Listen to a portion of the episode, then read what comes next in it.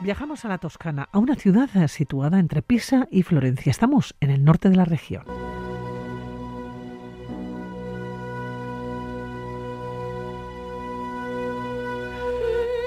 Es conocida como la ciudad de las 100 torres y las 100 iglesias. Encierra en su interior perlas históricas y artísticas que merecen ser visitadas.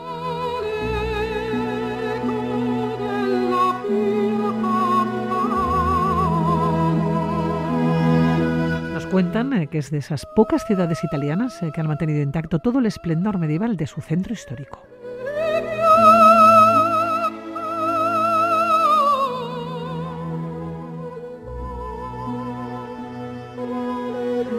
Y nos vamos a Luca, nos vamos a la Toscana con Xavier Mañuelo. Xavier, ¿cómo estás? Pues nada, aquí cantando con la divina Calas.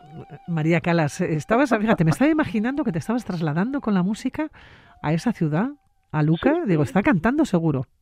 Segurísimo, has acertado porque aparte que es un área que me encanta, ¿eh? de Neandro Lontana, de, de la ópera La Wally de Catalani, que vamos, me, me fascina. Oye, ¿cómo es Luca? Para situarnos un poco, ¿no? Habitantes, tensión. Está en el norte, ¿no? De la Toscana. Sí, está ahí en la Toscana, eh, Toscana, la pais- paisaje y arte, ¿no? Así se podría, se podría resumir eh, esa región italiana con ciudades maravillosas, Florencia, Pisa, Siena, pueblos y lugares increíbles, San Gimignano, Montalcino, Saturnia, Cortona, y luego encima con una gastronomía estupenda, ¿no? Pues ahí tenemos el pecorino, yo que soy además un aficionado a los quesos, pues ya me dirás. Y los que, a los que les gusta el vino, pues Chianti, Brunello de Montalcino, Nobile de Montepulciano, en fin, la Toscana. Bueno, pues allí, allí exactamente está, está Luca, que bueno, es una ciudad, eh, es una ciudad pequeña, tiene apenas 86.000 habitantes, eh, con un tremendo sabor a piedra vieja eh, y un casco antiguo que la verdad es que es una gozada, porque es un casco antiguo compacto que está como, como encerrado dentro de una elipse de lados rectos. ¿eh? Parece un oxímoron, ¿verdad? Pues, pues es verdad.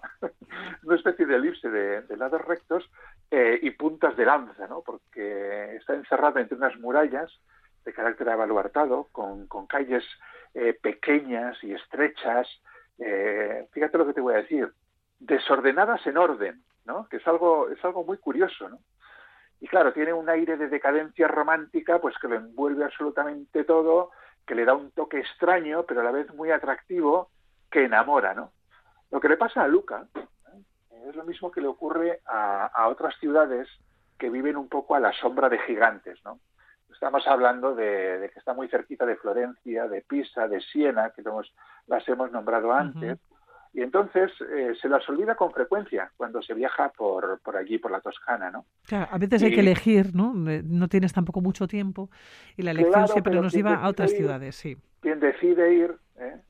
la ciudad le regala la sorpresa de su vida, porque es una ciudad bella y llena de encanto, ¿no? Desde mi punto de vista, yo te voy a decir que es una, es una visita indispensable cuando se va a la Toscana. Hay que buscar un rato para ir, aunque no sea más que una tarde, para ir a, a, Luca, porque además como es pequeña y es bastante compacto todo, todo lo que es el centro antiguo, se ve bien. Hombre, si le dedicas más tiempo, pues mejor, pero bueno, se ve bien en un día, incluso una tarde, en un paseo por, por, por la ciudad, y de verdad que es absolutamente encantadora. Oye, Xavier, ¿no has elegido la música por casualidad? No, no he elegido la música por casualidad porque, hombre, Luca es una ciudad muy musical.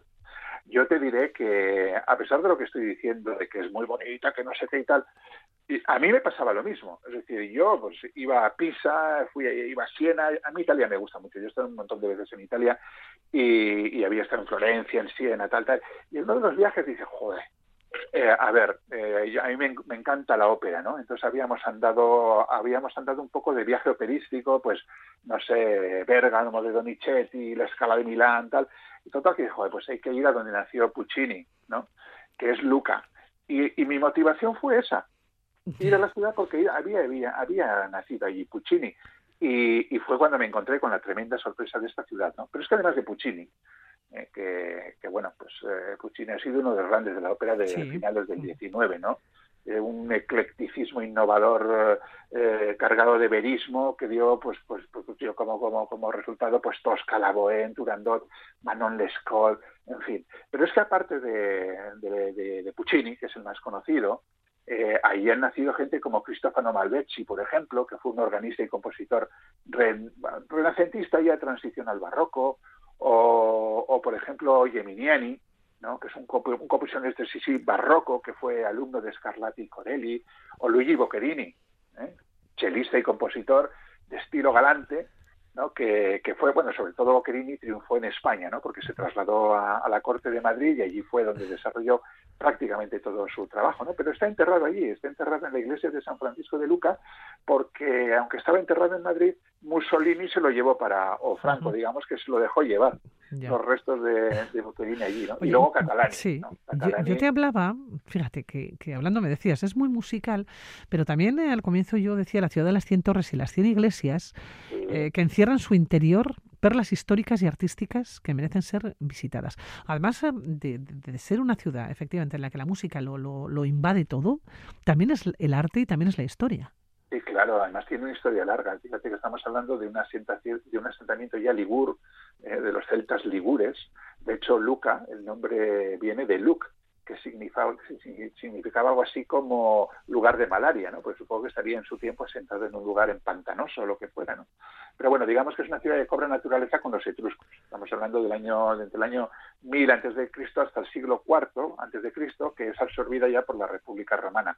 Aquí ya se convierte en colonia en el año 180 antes de Cristo y se nota, ¿eh? se nota en el interior la planificación del entramado urbano hecho hecho con, con, la, clase ocardo y decumano romano, eh, una planificación eh, eh, cuadriculada, bueno, por eso decía antes lo de orden desordenado, ¿no? Porque luego si viene la Edad Media y ahí se empiezan a, a desguajeringar un poco estos, este, este, ordenamiento urbano que hacen los, los romanos, ¿no? Pero bueno, no fue no es que fuera una ciudad especialmente importante, pero sí tuvo relevancia histórica, porque allí se, se hizo el convenio de Luca el 15 de abril del 56 a.C., ¿no? Que fue la renovación del primer triunvirato, aquel pacto entre tres que hicieron Julio César, Craso y Pompeyo para repartirse el poder de Roma.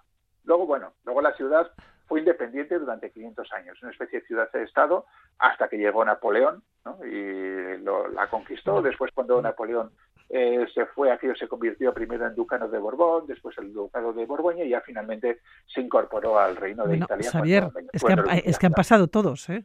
Ya solo me faltaba ya Napoleón ya en esta historia. Claro, son, son, son tierras muy cargadas de historia, toda, en general toda Italia. ¿eh? Y que además eh, son eh, ciudades, en este caso, o terrenos que pillaban de camino, ¿no? Eran, Tenían una situación estratégica y por eso han sido muchos los pueblos ¿no? que han pasado por ella. Nosotros estamos allá, estamos ya en el centro, imagínate, ¿no? Hemos ido con coche, hemos aparcado, pero queremos acercarnos al centro. ¿Qué es lo que tenemos que ver? ¿Qué es, qué es lo más importante? Pues mira, lo primero que vamos a hacer es cruzar las murallas renacentistas. ¿eh? Como hemos dicho antes, son unas murallas abaluartadas construidas más o menos entre mediados del 16 y mediados del 17. Bueno, en realidad lo que vemos ahora es la cuarta muralla, ¿eh? porque eh, digamos que las murallas fueron cambiando con el tiempo, desde las primeras murallas romanas hasta que se construyen las últimas en el siglo XVI, ya con una concepción de bastiones eh, en modo de puntas de flecha, una concepción más moderna, ¿no? pero fíjate, es un, periodo, un perímetro elíptico de unos cuatro kilómetros y están perfectamente conservadas, esto es lo bueno, pero perfectamente conservadas, entre otras cosas porque nunca fue utilizadas para la defensa. ¿eh? Eh, entonces aquello se ha convertido en un gran paseo que se puede hacer en bici, se puede hacer andando. Es, eh, fíjate, son unas murallas que son una especie de pequeño pulmón verde, ¿no? y como digo, nunca fueron utilizadas, pero sin embargo sí que sirvieron para proteger la ciudad, porque en 1812 creció el río Serchio de tal manera que amenazaba con inundar la ciudad, cerraron las, las puertas de las murallas y las murallas literalmente salvaron a la ciudad porque evitaron que entrara que entrara el río dentro. nos encontramos con, sí, con las murallas. Pasamos. Las murallas. llegamos. Entramos. Y hombre, lo que vamos es ir a, seguramente ir ya directamente a la Catedral de San Martín, que es una, es una pocholada.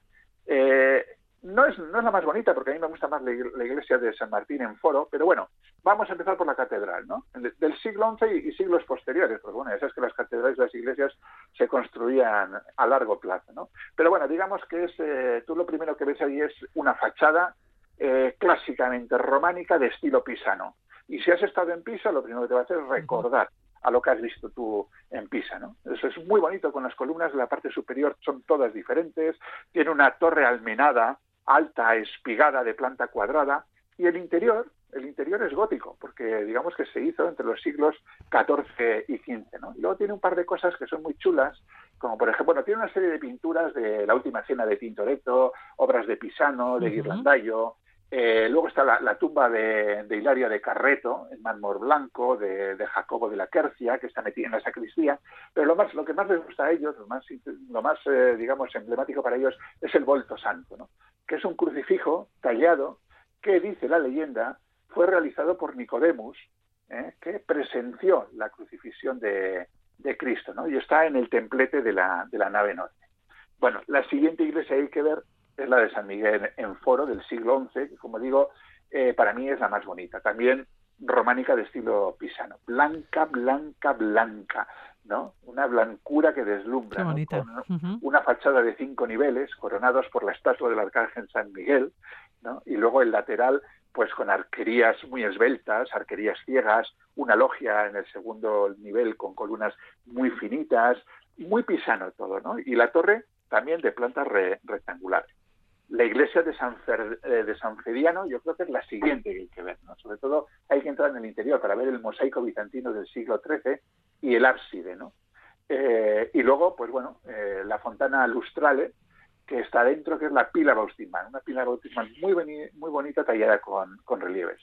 No nos vamos a alargar con iglesias porque a ver, ah, San Francisco del siglo XIII, San Justo del siglo XII, eh, Santa Julia también del siglo XIII, Santa María de Forisfortam del siglo XII, San Pedro Somaldi. Dejamos las iglesias y llegamos hasta la plaza, al centro neurálgico de la ciudad. Eso, es que es la plaza de San Miguel. Bueno, en realidad ya hemos estado, ¿eh? porque digamos que San Miguel en Foro, la iglesia de San Miguel en Foro está aquí, en la plaza de San Miguel. Y como bien dice, este es el centro neurálgico. Es el antiguo foro romano. ¿eh? Eh, y tiene un par de edificios, eh, bueno, vamos a decir, aparte de San Miguel en Foro, tres edificios yo destacaría. Evidentemente la casa de Puccini, ¿eh? que es donde nació el compositor y que hoy es, museo, y yo creo que para cualquier amante de la música es visita obligada. Luego tenemos el Palacio Gigli, del siglo XVI, muy bonito, y otro muy bonito también es el Palacio de la Podestá, del siglo, del siglo XV. Y seguimos de plazas, porque hay un elemento que yo creo que es el, elemento más singular de toda la ciudad, que es una plaza, precisamente, la plaza del anfiteatro. Pues tú llegas allí y dices, ¿y esto qué es? Porque parece una, como si fuera una muralla de casas, ¿no? Tú no ves allí más que un montón de casas y de repente una especie de pórtico, un tunelcito por el que tú entras, llegas y ¡bum! Una plaza, ¿no? Una plaza, como si fuera una plaza interior. Bueno, en realidad, eh, esto eh, era eh, el antiguo, ¿cómo te diría yo? como si fuera una especie de, antiguo eh, circo, no, eh, anfiteatro romano, ¿no? De hecho, parte de estas casas están construidas sobre, sobre las murallas antiguas, bueno, las murallas no, las paredes antiguas del antiguo anfiteatro, anfiteatro romano, ¿no? Entonces tiene esta forma elíptica, elíptica, clásica, ¿no? Y la verdad es que es una cosa muy curiosa que yo solamente la he visto allí, en Luca, ¿no? Y luego, aparte de eso, pues bueno, vamos a encontrar en la ciudad pues palacios como el Palacio Pafner, del siglo XVII. Este, este fue un cervecero que fue precisamente el que llevó la cerveza a Italia, ¿no? Desde Alemania. O el Palacio Mansi del siglo XVII, Rococó, que ahora mismo pues es un museo, tiene allí la Pinacoteca Nacional. El Palacio Ducal, por ejemplo, también construido entre los siglos XVI y XVIII. Y luego hay dos sitios que a mí también me gustan mucho, eh, que es, por un lado, la torre del Palacio Giunini, ¿eh? porque además, escucha, bueno, tiene 44 metros de son, altura. Son panorámicas, me imagino, ¿no? Es, una panorámica. Esta, no es la más alta, ¿eh? Es decir, la, la, más alta ahora te voy a decir, esta tiene 44 metros de altura, que ya es, ¿eh? y es, es, una torre cuadrada del siglo XIV, construida en ladrillo, muy bonita, pero es que en la punta, o sea, arriba del todo, en la tontorra de la, de, de la torre, hay un jardín y hay un jardín con un montón de encinas allí. Entonces, claro, tú te subes allí y estás de repente a 44 metros de altura rodeado de, encinas o debajo de un montón de encinas y contemplando toda la vista de la ciudad. Bueno, pues todavía hay una, hay una torre también más alta, que es eh, la Torre de Lore, eh, o la Torre de las Horas, donde está el, el viejo reloj de la ciudad, que este ya tiene 50, 50 metros de altura, y también, pues bueno, tienes unas panorámicas fantásticas de todo, de todo lo que es Bueno, pues maravillosa esta ciudad. Cuando vayamos a la Toscana tenemos que pasar, que no se nos olvide, que nos iremos seguramente, pensaremos Pisa, Florencia, Siena, que también mencionabas. Bueno, pues a Luca también tenemos que ir. Xavier, así lo dejamos. Un besito. Venga, pues. Agur. Agur.